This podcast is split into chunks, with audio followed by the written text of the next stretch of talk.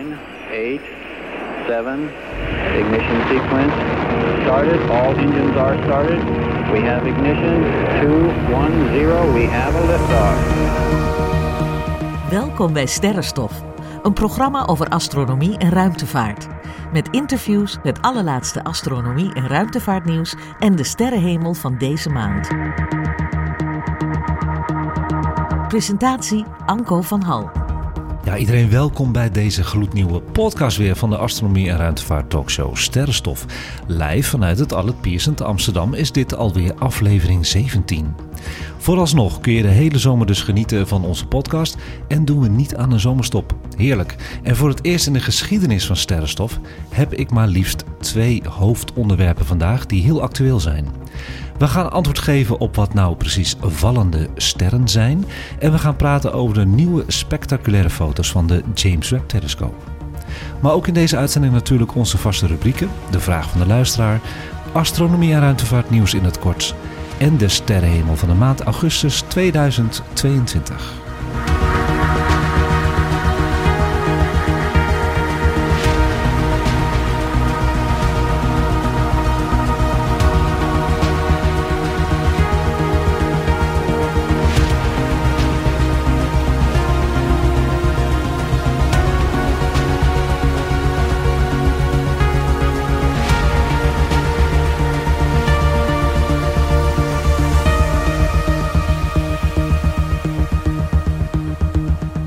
Nou, welkom iedereen die luistert naar Sterrenstof. En natuurlijk welkom iedereen aan tafel weer die deze maand meedoet aan de podcast. En welkom aan onze nieuwe luisteraars in België, wil ik even zeggen. En wie zit er aan tafel? Abe zit weer aan tafel, zoals altijd. Dat vind ik heel leuk hoor, ook al is het altijd. Het is Nee, ik vind het ook hartstikke leuk. Ja, ja. je hebt net een tompoes. Oh nee, die is nog niet Hij, is, op. hij, is voor, hij is voor de helft op. En een koffie is er. Irene zit er ook met een tompoes. Irene Kuiper, mensen, is weer in de house. Ja, gezellig. Ja, En ik ben weer vreselijk benieuwd naar wat jij mij allemaal gaat vertellen. Ja. En de luisteraars uiteraard. Ja, het is een hele bewogen week geweest. Ik moet even vertellen aan de luisteraars dat we deze uitzending iets eerder opnemen dan normaal. Dat komt door eh, mensen die op vakantie gaan. En we hebben natuurlijk ook studiotijd die we moeten inhuren.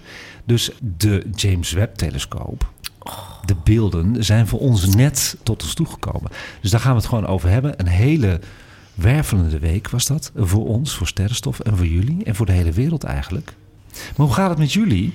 Want ik heb van de luisteraars gehoord, moet ik wel even zeggen, dat ze het wel heel erg leuk zouden vinden als ik een keertje zou vragen aan mijn sidekicks wat jullie doen.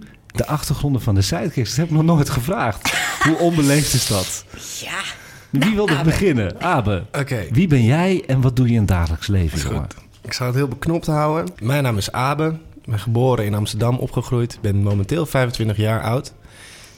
En ik studeer in Utrecht een, een eh, opleiding, een muziekschool voor elektronische muziek. En ik heb net mijn derde jaar gehaald. Oké, Gefeliciteerd. Ja. Dankjewel. goed man. Ja, Ja. Dat is, eh, ik heb het hartstikke leuk. Ik heb een eigen radiostation in mijn kamer. Hoe heet dat? Eh, Radio Weesper. En dat is in een studentenhuis aan het Waterloopplein. Waar altijd eh, DJ's en eh, muzikanten langskomen. Dat wordt elke week met beeld en geluid wordt dat gelivestreamd. En wat, Dat is, doe ik de- in wat is de link daarvan? Dat mensen kunnen kijken even naar Abe, hoe die eruit ziet. Oh, als je dat bij Radio. Weesper. Je kan op, op Instagram opzoeken Radio Weesper. Maar Ja. je kan ook op YouTube, eh, Go- of Google, op YouTube intypen Radio Weesper. En dan komen er allemaal filmpjes voorbij van allemaal artiesten die allemaal hun eigen ding doen. Hartstikke leuk. hartstikke En leuk. allemaal in jouw huiskamer waren. Nee, niet in mijn, het is in mijn slaapkamer. Dus het is een kamertje Nog van 12. intiemer. Ja, Wauw. kamertje van 12 vierkante meter. Want je ziet mijn bed staan, je ziet eh, alles staan. En dan zijn we gewoon lekker biertjes aan het drinken, Ja, plaatjes aan het draaien. Super gezellig. superleuk. En je werkt bij Amsterdam FM. En ik werk bij Amsterdam FM. En wat doe je daar? Ehm, nou, eh, sinds kort gaan we, we gaan de nieuwe studio in. En als het goed is, ga ik daar een beetje dat managen. Mag ik dat zo zeggen, Irene? Ja, dat mag je zeker zeggen. Een hele mooie nieuwe studio. We hebben een kans gekregen om in Triumph aan de Kalverstraat 43... Ja. eh, om daarboven eh, op een lege verdieping... eh, ja, daar een eh, eigen redactieruimte te maken. Dus Ja. dat is hartstikke leuk. Dus binnenkort komen er allemaal nieuwe uitzendingen vanuit Studio Triumph. Ja, en Irene werkt daar ook bij Amsterdam FM. Maar Irene doet nog veel meer. Ja. Ehm, ja, jeetje. Ehm en zo'n kleine 40 jaar ben ik theatermaker. Oké. Eh, uitvoerend, eh, maar ook als producent en als maker in het algemeen. Sinds eh, corona heb ik ook een plan B bedacht en eh, ik ben budgetcoach geworden. Budget coach. Leg eens uit. Nou, mensen krijgen steeds minder geld in hun portemonnee. Het gaat er ook steeds sneller uit. En ehm, ik vind het mooi om met mensen te gaan kijken hoe je dat eh, goed kan regelen. En hoe je goed kan budgetteren, zodat je wellicht de juiste toeslagen binnenhaalt. Zodat je wellicht weet welke potjes waar voor jou te vinden zijn. Zodat Ja. je weet, ehm, als je een maandoverzicht maakt, eh, waar het geld eruit gaat. Zonder dat je dat eigenlijk in de gaten had. Ze kunnen altijd bij je aankloppen. Als het zover nou is. ja, niet in midden in de nacht, maar Oh. Ja, Nee, maar goed. Ja. Hartstikke goed. Dus eh, mensen kunnen jou ook opzoeken, hè? ja, gewoon mijn naam. Irene Kuiper, googelen. Ja, Goed zo met... Is dat, ik weet niet, misschien hebben we trouwens ooit in de podcast dit al wel behandeld, maar dan ben ik het vergeten. Je bent, ben jij nou familie van? Nee, toch? familie van? André. An- nee, dat is Kuipers. Oh shit. Ja, ja, ja, ja. ja. Had Ik ben van de goedkope tak, hè. Wij hadden geen geld voor een S, geen geld voor een C, geen geld voor Ja, een Y. ja, ja, Dit ja, is ja. gewoon K-U-I-P-E-R. Maar je bent wel van een kuipenbelt, hè? Ja, ja. De Kuipergordel, ja. eh, Ik buiten heb ons zonnestelsel. Aan, de- aan het oorsprong gestaan van de Kuiperbelt. Zo oud ben ik. Goed, zijn we weer terug bij Sterrenstof. Hartstikke goed. Jullie hebben de introductie gehoord. Hè? We gaan het hebben, deze uitzending, over vallende sterren... en de eerste resultaten van de James Webb. En dat is niet voor niks, want de afgelopen weken staat het nieuws dus al vol... van de prachtige foto's die naar buiten zijn gekomen van de James Webb. En wat betreft vallende sterren trouwens... de grootste meteorenzwemmen van het jaar, de Perseïden... zijn deze maand augustus te zien aan onze nachtelijke zomerhemel. Maar voordat ik daaraan begin, hebben jullie nog wat leuks gezien? Nou, ik heb enorm een poging gedaan om de supermaan te zien. Dus ik ben drie keer mijn bed uitgegaan in Ik de nacht. ook. En ik woon nogal in het centrum van Amsterdam. En ik kreeg niets te zien behalve de huizen achter mij, voor mij en naast mij. Ja. Ik kreeg hem niet te zien. Nou, dito hier, want ik woon wel boven helemaal in Amstelveen. Heel veel bewolking aan de horizon. En eigenlijk is hij het mooiste, de Superman, als hij net opkomt. Hè? En toen was het al één uur. Ik denk, nou, ik moet nou echt naar bed. We moeten werken de volgende dag. Dus ehm, nee, ik heb hem niet gezien, de Superman. Helaas. Ja. Niet de Superman, maar Ja. wel die halve maan, die, die maansikkel. Wat was dat nou? Ja, heb je een maansikkel gezien? Ja, die was super mooi. Ja, met het grijze gedeelte er ook erbij. Ja, ja, en dat was best wel rood ook. Oranjig, ik weet niet. oké. weet dan niet hoe dat de- kan, maar- atmosfeer. Het zag er heel mooi uit, een heel dun maanrandje. Ja. Kijk, dat heeft nut, hè. Als ik zeg op het einde van de uitzending... kijk wat vaak omhoog. Dat doen jullie allemaal. Abe neemt nog even lekker een eh, hap. En jij, jij wil eigenlijk Ja, ook ik al ook. beginnen weer. Ik zit ook lekker aan de tompoes, hoor. Want we gaan gewoon praten over die leuke foto's van James Webb. En eh, Ja. nou, iedereen is zo enthousiast, jongens. Het is ja, wereldwijd natuurlijk opgepakt. Hè? En, eh, het is Boven verwachting. boven verwachting. Maar waarom is het voor jou boven verwachting dan? Het is zo kleurrijk. Mhm. En ik weet niet of ze iets gedaan hebben met bijkleuren. Mhm. Maar het is, ik dacht, eh, de, de, de, kleuren vallen weg als je zo ver weg bent. Ja. Ik weet niet waarom ik dat denk, maar eh, ik vind het zo waanzinnig. Die nevel. Het is alsof je, nou ja, het is met niks te vergelijken eigenlijk. Een soort Het fantasie, ja. Is, Ja, een soort fantasiewereld. Ja, fantastisch. En jij, Abe? Het is gewoon fantastisch. Ja, ik weet niet zo Ja, goed. ook hetzelfde wat ik Het zeg. ja, het maakt me een beetje sprakeloos, omdat het gewoon echt bizar vet is. Ja, wat mij heel erg opviel, kijk, die kleuren kan ik het wel even over hebben. Ze zijn ingekleurd. Dat komt, maar wel met de juiste kleuren. Dus eigenlijk is het niet fake. Dat komt omdat James Webb vooral infrarood heeft gekeken. En dan komt er gewoon te weinig kleur binnen. Het voordeel van infrarood is natuurlijk dat je door de nevels heen gaat kijken. Dus wat eh, heel belangrijk was voor mij, ik zag die foto's voorbij komen. En in principe ken ik heel veel nevels al die gefotografeerd zijn door de Hubble. Dus ik dacht van, oh, maar dit ken ik al. Daarna dacht ik van, maar ik zie veel meer. Ik zie ook veel meer sterren. En toen heb ik eh, op YouTube en, en ook op internet even gekeken. En er waren veel sites die gelukkig de Hubble-foto naast die van James Webb zetten. En dan zie je eigenlijk ongelooflijk veel meer. Niet te geloven. Maar Dat hè? Ja, het is echt niet te geloven. Dat waren die vier foto's. Maar een dag daarvoor werd natuurlijk al een heel klein stukje ruimte van de James Webb, die die gefotografeerd had, werd gereleased. En toen kreeg ik kippenvel. Ja. Wat hadden ze nou gedaan? Ze hadden dus een heel klein stukje ruimte wat eigenlijk gewoon zwart is. De grootte van een zandkorrel op armlengte Ja, precies. ja. hebben ze dus eh, gefotografeerd. En eh, een zwarte ruimte bestaat dus niet. in dat zwarte stukje ruimte, de grootte van de zandkorrel, waren duizenden, niet sterren, sterrenstelsels. Ja. en dan word je gewoon, ja, je hoort het aan mij, ik word daar zo stil van. Ja, En dat is zo'n bewustwording, denk ik, voor de mensheid. Dat wij eens een keer moeten ophouden met te denken dat wij de enige zijn. Sowieso. Er zijn, dat kunnen wij ons niet meer voorstellen met sterrenstof, omdat jullie altijd aanschuiven. Maar eigenlijk driekwart van de wereld denkt nog dat wij het enige leven zijn in het heelal. de arrogantie. Het is niet te geloven, jongens. En Ja. ik word zelfs nog wel eens door leken een soort van uitgelachen.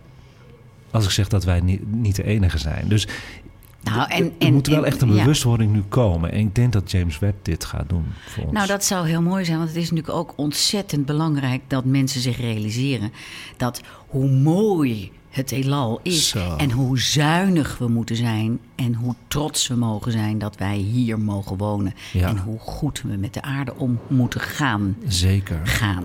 zeker. Wij moeten, wij moeten anders met de aarde omgaan. En er is op dit moment nog geen andere aarde waar we naartoe kunnen. Die staat gewoon te ver weg. Maar los daarvan, we moeten gewoon Ja, beter voor de aarde zeker. zorgen. Nee, daarom.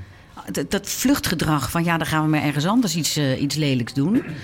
Dat, dat, dat, eh, we hebben een verantwoordelijkheid. En Ja. dat is die verantwoordelijkheid om goed voor de aarde te zorgen. Ja, ja, dat je dit zegt, hè, komt dat ook een beetje door je bewustwording van wat je nu weet wat er boven gebeurt? Of had je dat al?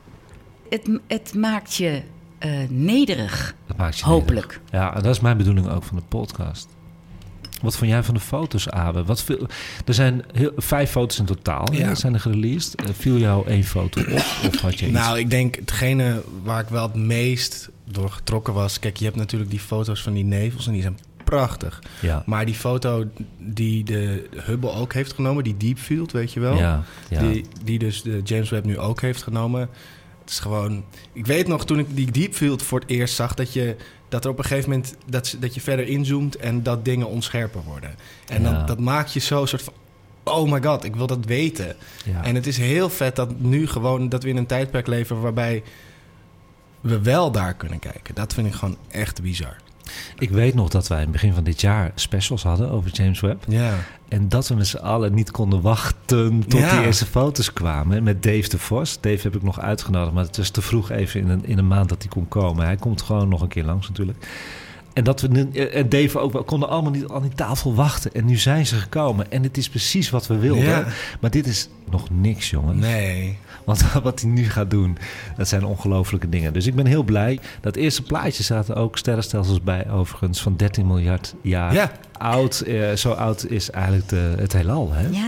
Dus we kunnen heel ver terugkijken. Wat ik een hele leuke foto vond, het was eigenlijk geen foto, maar een spectrogram van een eh, atmosfeer van een exoplaneet WASP eh, 96b. Ja. En dat is een hete gasreus die heel dicht bij eh, zijn moederster staat. En ze hebben gevonden met de James Webb dat er dus duidelijk waterdamp in de atmosfeer is. En waarom is dit belangrijk? Dat hij dat gelijk kan zien, James Webb. Ja, dit is niet een leefbare planeet hoor. Daar is het 725 graden. Maar gewoon belangrijk dat daar gewoon waterdamp al is Ja. op zo'n hete planeet. Ja. Met andere woorden, hij gaat natuurlijk zich ook richten op planetenstelsels. Die eruit zien als ons zonnestelsel. En ook dichterbij staan, overigens. En die atmosfeer kan hij natuurlijk ook helemaal herleiden. En kijk aan, wat gaan we dan ontdekken? Dat vond ik een hele belangrijke Dat- ja, dat- dat me foto. Ja, Niet ineens heel veel exoplaneten krijgen ineens veel meer potentie. zo is dat ja. Daarbij hebben wij ook in de lijn van natuurlijk de James Webb telescoop... een vraag van de luisteraar gekregen. En daar Oeh. wil ik graag antwoord op geven. Ja, leuk. En die is van Gianni, onze luisteraar van het eerste uur. Oké dan. Dag Anko. Sinds een kleine twee maanden is de James Webb Space Telescope operationeel en zodanig werd gisteren de eerste opname bestaande uit licht afkomstig van het visuele spectrum openbaar gemaakt door de Amerikaanse president Joe Biden. Toevallig had ik vernomen dat de James Webb dient ter vervanging van de Hubble Space Telescope. Door gebruik te maken van welke instrumenten aan boord gaat hij dit doen en wat zijn deze instrumenten precies in staat om te doen? Ik kijk graag uit naar jouw antwoord hierop. Ja, een hele goede vraag Ja. ook weer. En ik krijg Goeie eigenlijk, eigenlijk altijd goede vragen natuurlijk. Anders zal ik hem niet uitzenden. Maar Moeilijk kiezen van al die goede vragen. ja, het is leuk. Het is altijd leuk dat mensen de moeite doen om even mij een DM te sturen en ook nog in te spreken dat ik het mag uitzenden. Dus Ja, bij hartstikke deze, leuk. dankjewel. Eh ja, James Webb wordt de vervanger van Hubble genoemd. Maar NASA noemt het liever toch een opvolger dan. Hè? Want Webb is immers de wetenschappelijke opvolger van Hubble. Zijn wetenschappelijke doelstellingen werden gemotiveerd door de resultaten van Hubble. De wetenschap van Hubble dwong ons om naar langere golflengte te kijken en dus verder te gaan dan wat de Hubble al heeft gedaan. Dus Hubble is eigenlijk gewoon een hulpmiddel geweest voor James Webb. We hebben Hubble nodig gehad om James Webb te kunnen Ja. maken. Kijk, die ver weggelegen objecten, die worden zichtbaar door instrumenten die de Hubble niet heeft en de James Webb wel. En dat heeft te maken met infrarood instrumenten. En daar vraagt Gianni over. De James Webb heeft vier infrarood instrumenten. Die kan ik natuurlijk helemaal gaan uitdiepen nu in de uitzending, maar dat is best wel eh, wetenschappelijke kost. Je kan eigenlijk gewoon zeggen dat deze infraroodcamera's heel ver kunnen kijken en door nevels kunnen kijken. En dat kon de Hubble niet. Dat is het grote verschil. En dat is het functie van die infrarood, toch? Precies. Het verschil tussen Webb en Hubble ga ik gewoon nu even aanstippen. Dat is ook wel leuk voor Gianni. We hebben wel een veel grotere spiegel. Die spiegel is 6,5 meter en de Hubble had een spiegel van 2,4 meter. Nou, we hebben het gemerkt aan de foto's. Er Ja. staan gewoon veel meer sterren ook op. Ja. En ook lichtbronnen die met het blote oog niet waarneembaar zijn. En die wel belangrijk zijn voor ons om te herleiden wat er met zo'n ster gebeurt en wat er met een planeet en de atmosfeer van de planeet gebeurt. Nou ja, en eh, ik denk dat er nog een heel belangrijk verschil is dat hij een miljoen kilometer van de aarde vandaan staat. Ja, dat was mijn derde punt. Ah, jongen, jij bent altijd een hele goede aanvulling voor de uitzending. Ik zeg het natuurlijk elke uitzending bijna, dus je moet wel op een gegeven moment zweven hier, denk ik eh, ongeveer. Maar het is waar. Webb staat anderhalf miljoen kilometer van de aarde. En Hubble bevindt zich in een zeer korte baan om de aarde heen. Dat is een heel groot verschil. Dat zijn eigenlijk de drie grootste verschillen. Zei je nou net dat door Hubble langere golflengtes nodig waren? Of heb ik dat verkeerd gehoord? Nou, het, eh, wat ik heb gezegd is dat de wetenschap van Hubble ons dwong om naar langere golflengte te kijken. Hij heeft inderdaad op kortere golflengte gekeken, eigenlijk optisch alleen maar, hè, Hubble. En de langere golflengten zijn alleen maar bereikbaar met infrarood. Dat heeft te maken dat eh, verder weggelegen objecten sterk zijn rood verschoven. En hun licht wordt van het UV-licht en optisch naar het nabij infrarood geduwd. Voor waarnemingen van deze verre objecten, zoals bijvoorbeeld de eerste sterrenstelsels die in het heelal werden gevormd, is dus een infraroodtelescoop nodig. Wil je weten wat roodverschuiving is nog? Nee, ik, ik weet wel wat roodverschuiving is. Maar wat nou, ik... ik niet. Nee, Nee. ja. Doe maar Dat is lekker. een, eh, het, is wel, het is een heel mooi begrip. Ik- Ja, het is, het is een mooi begrip. Kan ik ook best bij sterrenstof even melden. Ja. Roodverschuiving is het verschijnsel dat het spectrum van uitgezonden licht bij ontvangst naar rood verschoven is. Dat wil zeggen in de richting van de langere golflengte. De eenvoudigste vorm van roodverschuiving ontstaat als gevolg van het Doppler-effect. Wanneer een lichtbron en een waarnemer zich van elkaar verwijderen, is de door de waarnemer gemeten golflengte van het licht langer en de frequentie is lager. Dat is een roodverschuiving. Het is niet heel makkelijk, maar het is wel de En het beschrijving. Doppler-effect is het eh, effect dat als je een, een alarm hoort, een ziekenauto of een Ja. politieauto, dat die voorbij is, dat die opeens heel anders klinkt. klinkt, omdat hij verder weg gaat. Bijvoorbeeld bij die eerste foto die eh, James Webb heeft gereleased, zie je ook oranje Ja. rode dingen. En die oranje objecten, sterrenstelsels, die staan het verste weg. Ja, Die precies. zijn in het rood afgebeeld. Mag ik nog heel even daarop Ja, ingaan? zeker. Je kan een beetje voorstellen, kijk, men zegt altijd dat is iets dat je denk ik wel kan accepteren dat het universum uitdijt. Toch? Het wordt groter. Ja. En als je een, een, eh, een, eh, een, een golf hebt, bijvoorbeeld een foton, een lichtstraal, eh, een golf van, laten we zeggen, ik noem maar nu een waarde van een halve meter. En het universum dijt uit, dat betekent dat die golf langer wordt. Dat betekent dus dat de kleur anders wordt, omdat de golflengte verandert. En dat is eh, roodverschuiving. ja. Ja, Eh, wat ook wel leuk is dat mensen dan aan mij vragen: van hoe kan het nou zijn dat sommige objecten dan niet rood zijn? Die komen dus naar ons toe. Ja, dat klopt. Bij de oerknal eh, komen er ook de objecten naar ons toe. Dus dan wordt de golflengte korter. Ja, dan wordt de golflengte korter. Ik denk dat die duidelijk is nu. Ja. ja. En de instrumenten waar eh, Gianni over vraagt, die heb ik ook benoemd. Maar ik heb ze niet helemaal uitgediept. Maar die vind ik wel leuk om even aan te stippen op onze YouTube. Want Ja, ik heb een hele een goed idee. Ja, toch? Ja. Ik heb een hele mooie film gevonden op YouTube. En die kan ik mooi zetten in het sterren op je YouTube gedeelte bij aanbevolen playlist. Ga Dus- je, nu, ga je nu zeggen wat voor film dat is of zeg je dat niet? Nee, die kunnen jullie zo meteen opzoeken. Oké, oké, dat is cool. een eh, verrassing. Hij staat al in de aanbevolen playlist als je Oh, nu nice. luistert. Oh, oké. Ja. Nice. Ja. Dan gaan we naar het volgende eh, hoofdonderwerp. Dat vind ik wel heel leuk. Want we gaan allemaal genieten. En of het is op vakantie, want Abe die is op vakantie. Die heeft nu vakantie Ja, hij eigenlijk gaat tot straks naar de bergen. Hij gaat naar Ja. de bergen. Irene, ga jij op vakantie? Ehm, pas in oktober. Pas in oktober. Jij blijft lekker in Nederland. Ook heel goed. Want we gaan het grootste astronomie-evenement van dit jaar gaan we meemaken. Die elk jaar terugkomt. En dat zijn de vallende sterren Perseïde. Yes. Hebben jullie die wel eens gezien, de Perseïde? Denk het wel, ja. Ja, vorig jaar ook over gehad. Hè? Toen bestond Ja. sterrenstof Ja. al. En toen hebben jullie ook gekeken, volgens mij. Ja, Ja. Hoeveel Ja. had je er toen geteld? Weet je dat nog? Ik weet het niet meer uit mijn hoofd, maar ik zit dan in Friesland. Ja. En daar heb ik dus geen last van die gebouwen om me heen. Nee. En eh, nou, dat is dan, dat is dan meteen eh, fantastisch. Lekker hè? Eh, ja, dat is 360 graden uitzicht. Ja, en wat is een vallende ster, denken jullie? Wat is dat nou precies, daadwerkelijk concreet? Ehm, iets met ehm, uitdoven? Het is, Mag het is, ja, ah, ah, die staat natuurlijk te Oh, popelen. zijn Zag je ogen. dat? Die ja, oogjes? zijn ogen gingen helemaal aan. Hij heeft nog een slokje koffie. En, en, en toen mijn kwam koffie is die hoor. en is zo'n vingertje omhoog. En toen kwam die. Kom maar op, Abe.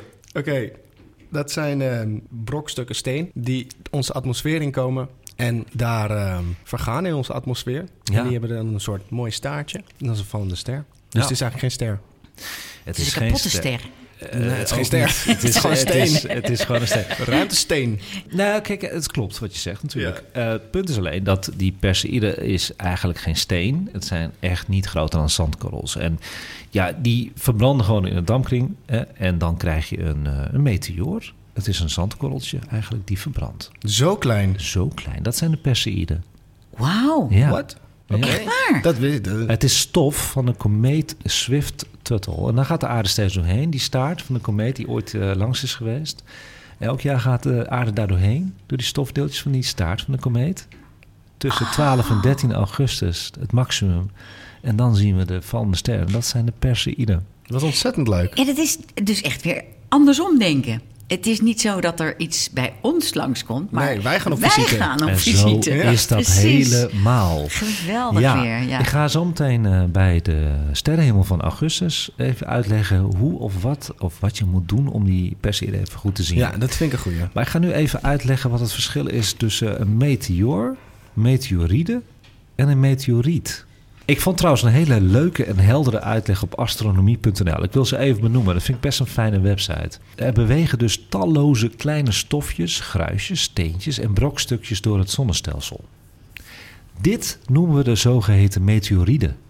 Dat zijn meteoriden die door het zonnestelsel heen gaan. Ja.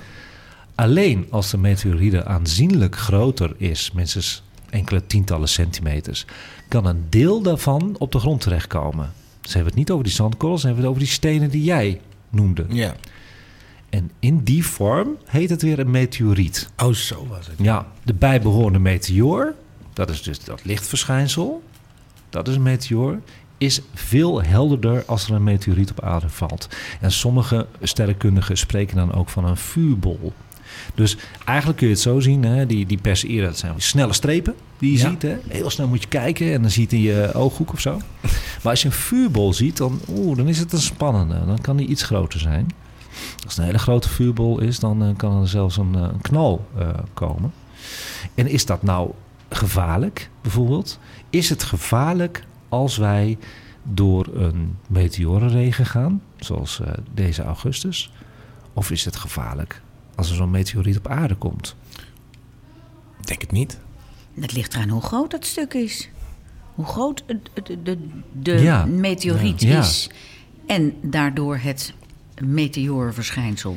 Nou, ik weet nog toen ik Een jong... meteorietenverschijnsel. Ja. Ik weet nog toen ik jong was, dacht ik van nou, nou, nou, dan zag je die, die, die rampenfilms hè, met de meteoren die insloegen en zo. En uh, ik ging heel veel uh, lezen over meteoren.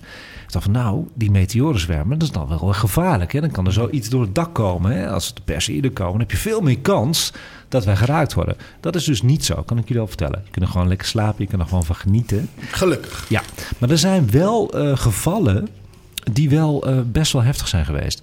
Alleen onderzoekers hebben nog steeds geen enkel bevestigd geval van dood door ruimterots gevonden. Dus dat is nog niet gebeurd. Oké. Okay. Maar het wil niet zeggen dat we niet in de buurt zijn gekomen hoor. De moderne geschiedenis zit vol met bijna ongevallen. Grote meteoren kunnen namelijk boven het oppervlak exploderen, waardoor wijd verbreide schade door de ontploffing en het daaropvolgende vuur wordt veroorzaakt. Ah. Dus dat Precies. kan wel gebeuren. En bosbranden, moet ik daar dan ook Ja, aan dat denken? kan. Dat zou kunnen. Dat gebeurde bijvoorbeeld in 1908 boven Siberië. eh, in wat de toen Guska-gebeurtenis wordt genoemd. Eh, op 30 juni 1908 zagen getuigen over honderden kilometers een vuurbal door de lucht schieten. Wat suggereert dat de meteoor onder een schuine hoek de atmosfeer binnendrong. Hij explodeerde, hij veroorzaakte hete wind en harde geluiden en schudde de grond genoeg om ramen in nabijgelegen dorpen te breken. Damn. Ja, dus het was wel een heftige gebeurtenis, ja. Dat is schrikken geweest voor die mensen. Ja, en eh, jarenlang dachten veel wetenschappers dat de verwoesting werd veroorzaakt door een komeet. En wat is nou ook alweer het verschil tussen een meteoor en een meteoriet? Of ging je daar nu naartoe? Nee, die heb ik al gezegd. Een meteoor is echt wat je ziet aan de hemel, het verschijnsel van die lichtstreep. Meteoriet is die al op de aarde gevallen. Dus als hij op de aarde valt, kan het nooit een meteoor zijn? Nee, een meteoor is nog in de lucht. En zodra die op de aarde valt, is het een meteoriet. En zodra als hij de aarde niet bereikt, dan blijft het een meteoor. Ja, Of dan bestaat hij niet meer. Maar... dan is het absoluut geen meteoriet. Nee, nee, Oké dan. nee dat is leuk hè. De grootste teruggevonden meteoriet trouwens eh, woog eh 9 kilo. Dus het is best wel groot. Dat is een flinke steen. Dat, is, dat zijn 18 pakken suiker. Ja, die Ja. wil je... 18, pa- hè, hoe, ja, 18, 18 pakken suiker. Van een pond. Die heb jij heel snel uitgerekend, ja. Hartstikke idee. Hartstikke idee. Dat is de grootste. En ehm, ja, we hebben ook wel meteorieten gevonden op andere planeten. Maar daar ga ik het zo over hebben. Oeh, cliffhanger. Ja. Verderop in de uitzending dus vertel ik je meer over de Perseïden. Welkom bij Sterrenstof, een programma over astronomie en ruimtevaart. Met interviews, het allerlaatste astronomie- en ruimtevaartnieuws en de sterrenhemel van deze maand. Presentatie Anko van Hal. En Anko, ehm, ik ben eigenlijk heel benieuwd naar de nieuwtjes. Oh, je bedoelt de astronomie en ruimtevaartnieuwtjes in het kort. Heb ik weer. Ja. Die heb ik elke Hoeveel? maand. Hoeveel heb je er? Eh, ik heb er drie. Oeh, fijn. Oeh, dat vinden jullie fijn. Soms heb ik wel eens twee, hè. Ik heb er gewoon drie gevonden. Right. De eerste is ehm, van astronews.nl. Komeet 67P heeft meer chemische complexiteit dan verwacht. En waarom vond ik dit nou zo leuk? Dat komt omdat de ruimtesonde Rosetta... die is in 2016 naar die komeet geweest, hè? En die heeft eh, alles onderzocht... en die heeft een verrassende variëteit aan complexe organische moleculen gevonden. Dat is heel belangrijk, Ja. want... Kometen zijn ijzige overblijfsels natuurlijk uit de begintijd van ons zonnestelsel. En dat kan betekenen dat, ik heb het er wel eens over gehad in onze uitzendingen, dat wij ontstaan zijn door panspermia. Dus dat wij van buitenaf natuurlijk bevrucht zijn, hè, de aarde. Ja. En dat kan door middel van kometen zijn geweest. Nou, Rosetta dus ontdekt dat inderdaad die kometen hele mooie, complexe moleculen bevat. Ja. Nou, het is leuk om te vertellen. Het gaat daarbij onder meer om naftaleen. En dat is een stof die verantwoordelijk is voor de karakteristieke geur van mottenballen. Oké. Dat vond ik wel leuk om te vertellen. Heel oud ook. Heel oud, dus eh, zo ruikt hij ook. Ehm benzoezuur, dat is een natuurlijk bestanddeel van wierook, heeft hij Ja. gevonden. En benzaldehyde, dat is een stof die veel wordt gebruikt om voedingsmiddelen een amandelsmaak te geven. Het is zo grappig In dat dat... amaretto zit dat ook Het zit ook in amaretto. ik vind het zo grappig dat er dus een komeet is gevonden. Ja. Maar, en, en dat zijn Ja. dus best ingewikkelde moleculen. Ja, ja. Wat vet. Ja, en zo specifiek. En die combinatie, is dat dan dus... eh, die drie stoffen samen brengt dus een unieke... Ja, het- het- Uniek zulke effect. moleculen zijn belangrijke tussenproducten bij de vorming van biomoleculen, zoals suikers en eh, aminozuren. Nou, dat Ja. zijn toch de bouwstenen van leven allemaal bij elkaar. Dus Ja. En deze komeet, eh, kometen, waar bevinden ze die zich en hoe groot zijn ze? Wat voor Ja, kometen dus zijn natuurlijk die, eh dat is één komeet, 67P, maar in principe kunnen we nu ja, toch wel concluderen dat al die kometen die samenstellingen hebben. Maar deze die draait ook een rondje om de zon. Ah, En ja. hij was even in 2016 dan dichter bij de aarde. Vandaar dat we die eh, Europese ruimtezonde Rosetta hadden gestuurd om Ja. te onderzoeken. Gaaf zeg. Ja, gaaf hè? Ja. Ja. Een internationaal onderzoeksteam heeft de herkomst weten te achterhalen van een miljarden jaren oude brokstuk van Mars dat in 2011 in de Sahara-woestijn is gevonden. Van Mars. Van Mars. Ja, wow. dat is mooi. Zo, ja, die zou ik wel thuis willen hebben, weet je dat? Zou ik wel Dat thuis is wel willen echt vet. Ja. Zo'n Marssteen die hier op aarde is geland en gevonden in 2011. Jeetje, Wauw, dat is wel echt vet. Ja. Ja, dat is vet hè? Op Ja. basis van de chemische en fysische eigenschappen van de meteoriet, die officieel te boek staat als NWA 7034, maar leuker ook wel als Black Beauty, hebben de onderzoekers vastgesteld dat hij afkomstig is uit een van de oudste gebieden van Mars, en dat is Terra Cimmeria Sirenum. Wauw. Vind ik wel knap. Dat is echt Wauw. bijzonder. En hoe komt zo'n stuk van Mars naar de aarde dan?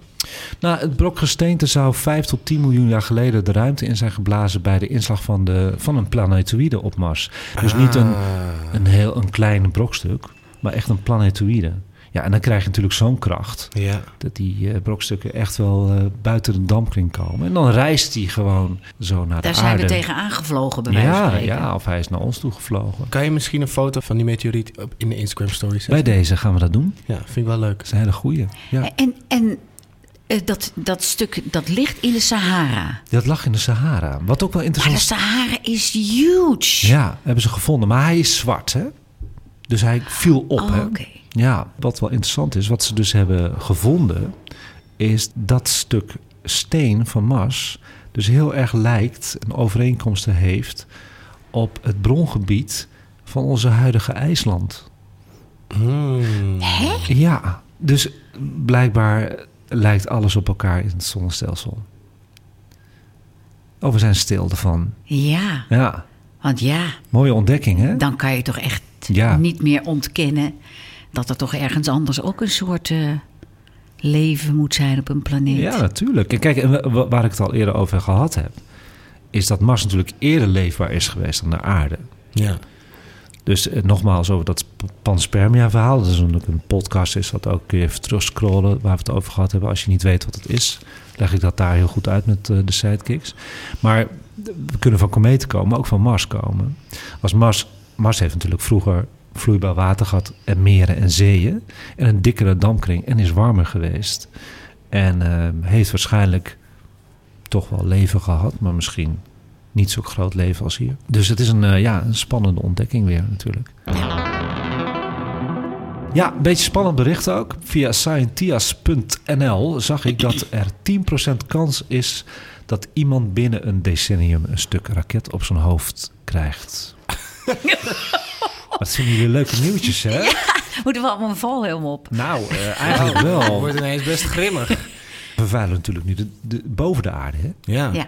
Dus Ja. niet de dampkring alleen, maar ook boven de ook al dampkring. troep achtergelaten op de maan. Ook dat al. Ja. Maar die overblijfselen, die storten ook allemaal weer neer natuurlijk naar de Ja. aarde. En daar hebben we het nu over in dit nieuwtje. Als de overblijfselen van een raket na een ruimtemissie weer terug in onze atmosfeer komen en neerstorten op aarde, is er dus nu een kans van grofweg 10% dat er één of meer slachtoffers vallen in de komende 10 jaar. Jeetje. Dat is heel veel. Nou, ik was daar ook wel van geschrokken. Het is ook wel groot nieuws hoor, is het eigenlijk. Ja. Wow, dat is eh, apart. En welke Ja. mensen hebben risico? Nou, vooral mensen in de zuidelijke delen van de wereld lopen risico. Zo is de kans dat je door raketpuin wordt geraakt in Lagos, Dhaka of Jakarta drie keer zo groot als in Moskou, New York of Beijing. Ja, En in Kazachstan, omdat daar elke keer die, eh, die raketten. Ja, maar dat wil niet zeggen dat hij daar natuurlijk ook weer neerstort dan, hè? zo'n eh, trapraket. Nee. Ze gaan ervan uit dat de resten van iedere raket die op aarde stort zich verspreiden over een gebied van 10 vierkante meter. Gemiddeld is er dan een kans van 10% dat daar in 10 jaar tijd één of meer slachtoffers bij vallen. Dat is hun rekenmodel. Oké. Dat is, eh, zal ik maar zeggen, veel meer kans dan dat je de staatsloterij wint.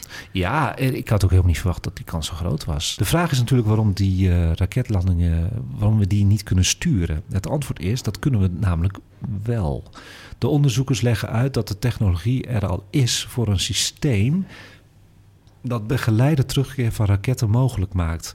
Maar waar het aan ontbreekt, volgens de wetenschappers, is de collectieve wil, waar ik het net over had, Ja. Om deze systemen toe te passen, omdat ze allemaal te duur zijn. Dus we, De, Ja. de, de focus. de eh, focus is er niet is om er niet. veilig. eh, Het moet maar misschien men- een keer fout gaan voordat... eh, maar dat is met alles zo. Nou, het moet denk ik fout gaan in Beijing, Moskou of New York. En dan opeens ligt de focus er wel. Ja, Ik denk dat het zo cru is. ja, ja dat, heb, dat zeg je me wat. Ja, dat denk ik ook. Er was nog meer nieuws eh, afgelopen maand. Dat kun je vinden in onze Insta-story nieuws highlights op Instagram. Zoals een Chinees ruimtevaartuig die hele mooie beelden heeft verzameld van de gehele planeet Mars. Mooie foto's. Oh. En eh, natuurlijk eh, nog meer nieuws en foto's van de James Webb-telescoop. En misschien ook wel leuk om dat op YouTube te zetten. Van ja. sterrenstof. Ja, dat vind ik wel leuk als je dat doet. bij deze. Dan gaan we nu naar de sterrenhemel van de maand augustus 2022. Kijk, als je benieuwd bent wat er allemaal te zien is vanuit je eigen tuin of balkon, of dus op je vakantieadres, want jij gaat naar hele mooie gebieden aan waar het heel Ja. helder is. Hè? Ja, klopt. Dus eh, pak je agenda maar bij. Ja, ik heb hem voor mijn Eh, neus. ik zie het en eh, schrijf mee wat er allemaal te zien is aan de sterrenhemel van augustus 2022.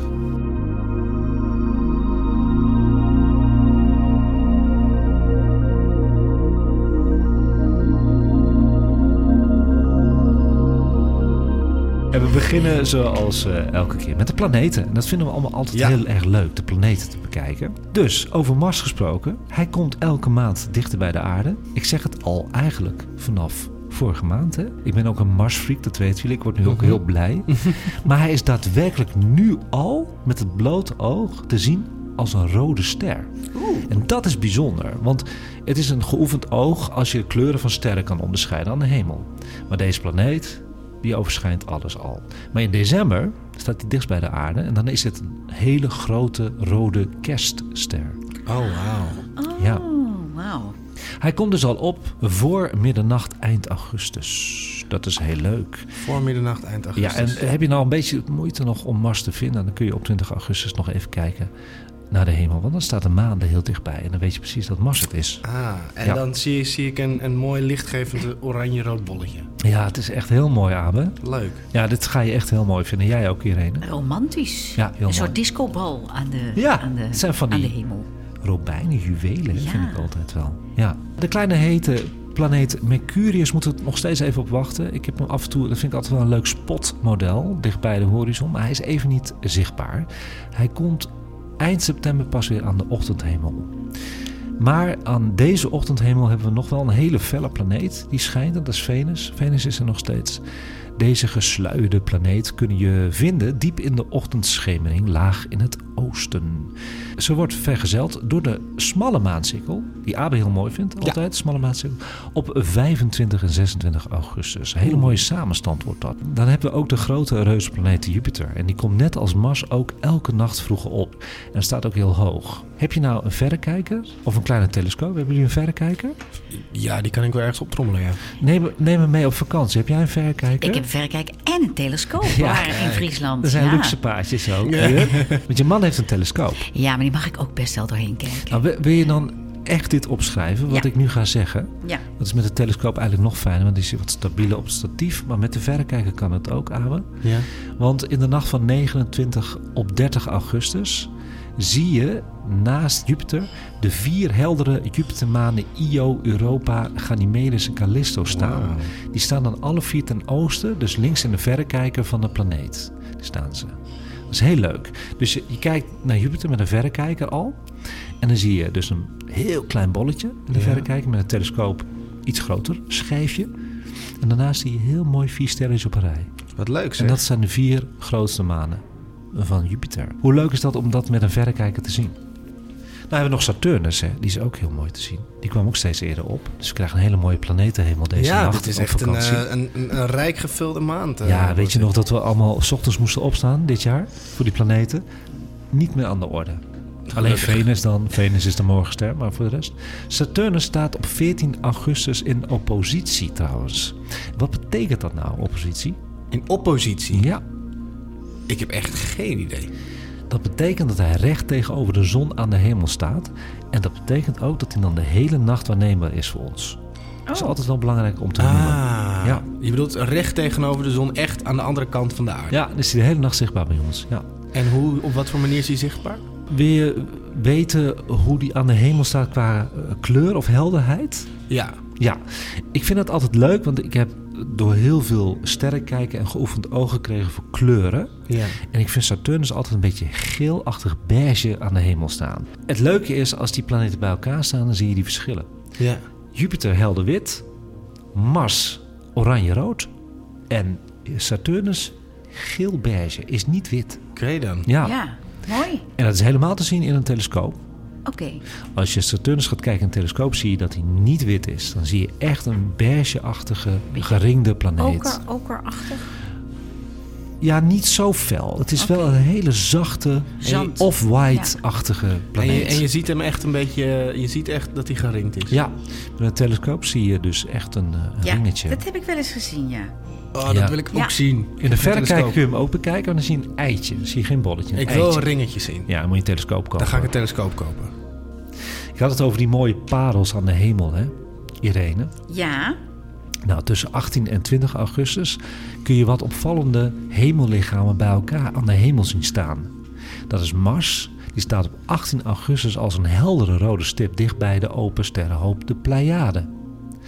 Dat is een mooi zevengesternte is dat. Dat kun je met blote oog zien. Het zijn allemaal van die sterretjes bij elkaar. De dagen daarna staat de maan dicht bij Mars. Dat is leuk. Maar ook bij de iets minder felle rode ster genaamd Aldebaran. Oh ja, die. Die komt Ja. wel vaak voor. Dat is de hoofdster van het sterrenbeeld Stier. Kun je even met je sterrenkijk-app kun je dat bekijken waar de stier is.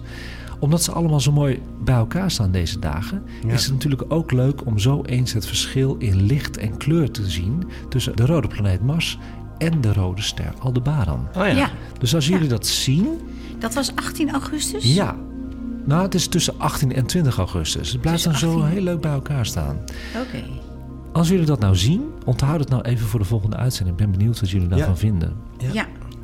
Ja. Nou jongens, dan zijn we aangekomen op het laatste grote evenement natuurlijk van augustus. Ja. En daar hebben we het al over gehad natuurlijk in het begin van de uitzending.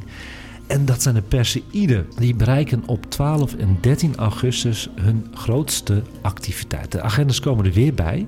Ze dachten al dat ze klaar waren, luisteraars, maar dat is niet waar. Kijk, waarom heet die Perseïden eigenlijk zo? Hè? Dat komt omdat ze uit het sterrenbeeld Perseus lijken te komen. Dus met andere woorden, als je je ogen richt op het sterrenbeeld Perseus, zul je de meeste meteoren spotten. Zelf, is een tip van mijzelf, pak ik altijd het opvallende sterrenbeeld Cassiopeia. Die is veel opvallender dan Perseus. En die ziet eruit als een W. Oh, die! Dus je ziet wel eens aan de hemel, Ja, ja, zie je ja, zo'n W ja. staan. Ja, Dat is klopt. Cassiopeia. En die staat even iets boven Perseus. Maar als ik Perseïde ga kijken, dan ga ik helemaal niet Perseus zoeken. Want die is heel Moeilijk. moeilijk. Ga ik altijd naar Cassiopeia. Als ik daarop richt, komen daar, het radiant heet dat, de meteoren Perseïde vandaan. Oh, wat ga- ja, Even die W handig is altijd wel een Ja. fijn referentiepunt in de, in de, Ja, in de, in de lucht. dus die moet je wel even opzoeken. Ja, allemaal. ga ik doen. Ga ik doen. Als jullie dus Perseïde gaan kijken, even de W opzoeken, lichtstoel pakken, eh, borrel erbij of koffie erbij. Ik kijk Irene aan ik ga de niet s'nachts aan de koffie hoor. Borrel dus erbij, Ja, doe maar. Hè. Is, eh, kaasplankje erbij. Je leeft maar één keer. Zo Oh, is dat. kaasplankje. Glaasje Kaasplankje? port. Ja, heerlijk. Laat je ogen even wennen aan het donkerte. Dus doe dat eh, in een kwartier tot een half uur is je oog helemaal gewend aan de donkerte. Zie je meteen heel veel satellieten voorbij komen. Let op mijn woorden. En zie je ook veel meer meteoren. En dat was 12, 13 augustus. Ja, klopt. Alleen die nacht. Of zijn er meerdere nachten daarop volgend? Nou, dat wil ik wel even zeggen. De Perseïden zijn ook weken voor en na het maximum te zien. Hè? Alleen ah, oké. in het Alleen- maximum zie je er rond, kun je er maximaal 60 zien, 30 tot 60 in één uur. Wauw. Dat is het maximum. Holy moly. Maar daarvoor, als het een keer helder is, dus adviseer ik jullie ook, ga gewoon lekker op je balkon of in de tuin even liggen en ga kijken en dan zie je er heel veel. Alleen we hebben nu wel net de volle maan gehad. Dat betekent dat de zwakkere meteoren niet te zien zijn. Dus daar moet je even op letten. En de lichtvervuiling als je midden in de stad woont, is dat heel kwalijk? Voor de erg? valt het wel mee. Maar we zitten natuurlijk wel in de grijze nachten. Het wordt niet Ja, heel erg zwart. Maar dat is elk jaar met de Perseïde. Je ziet er nog altijd genoeg. Ja. Bedoel, 59 per uur is ook al voldoende. Ja, ik denk eerlijk gezegd dat we dit jaar, door die volle maan die net geweest is, ja, dat we er ongeveer, dat je er maximaal 20 tot 30 ziet per uur. Maar dat is een mooie hoor. Ja, wat ik probeer meestal is de camera openzetten en dan ehm, de ISO laag zetten, zodat het niet overbelicht is. En dan zet ik hem een 10 minuten open en dan, als er dan een meteoor voorbij is gekomen, dan zie je die lichtstreep op de foto. Ja, dat is echt leuk. Oh, Ja. wat vet, Anko. Dat probeer ik elk jaar Wat te doen. goed. Ja. Zet je die wel online? ja, zet ik online als het eh, niet bewolkt is. Maar weet je, dan ga ik gewoon eh, de week ervoor al doen. Wauw. Nice. Ja. Dat was de sterrenhemel van augustus, jongens. Kijk, ik vind het een hele mooie sterrenhemel. Ja. Het is eh, leuk om, zo, eh, om dat in de vakantie te kunnen doen. Ja, jullie hebben goed meegeschreven.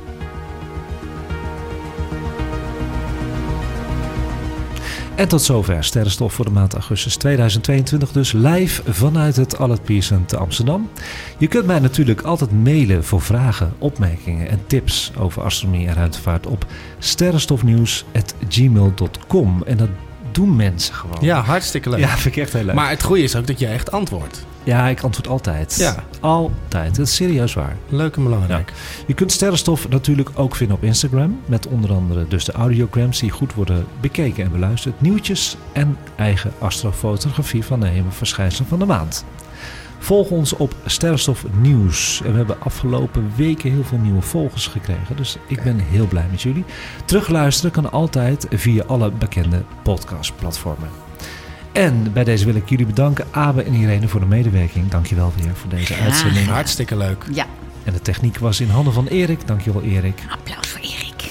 Iedereen bedankt voor het luisteren. Tot de volgende keer. En kijk eens wat vaker omhoog.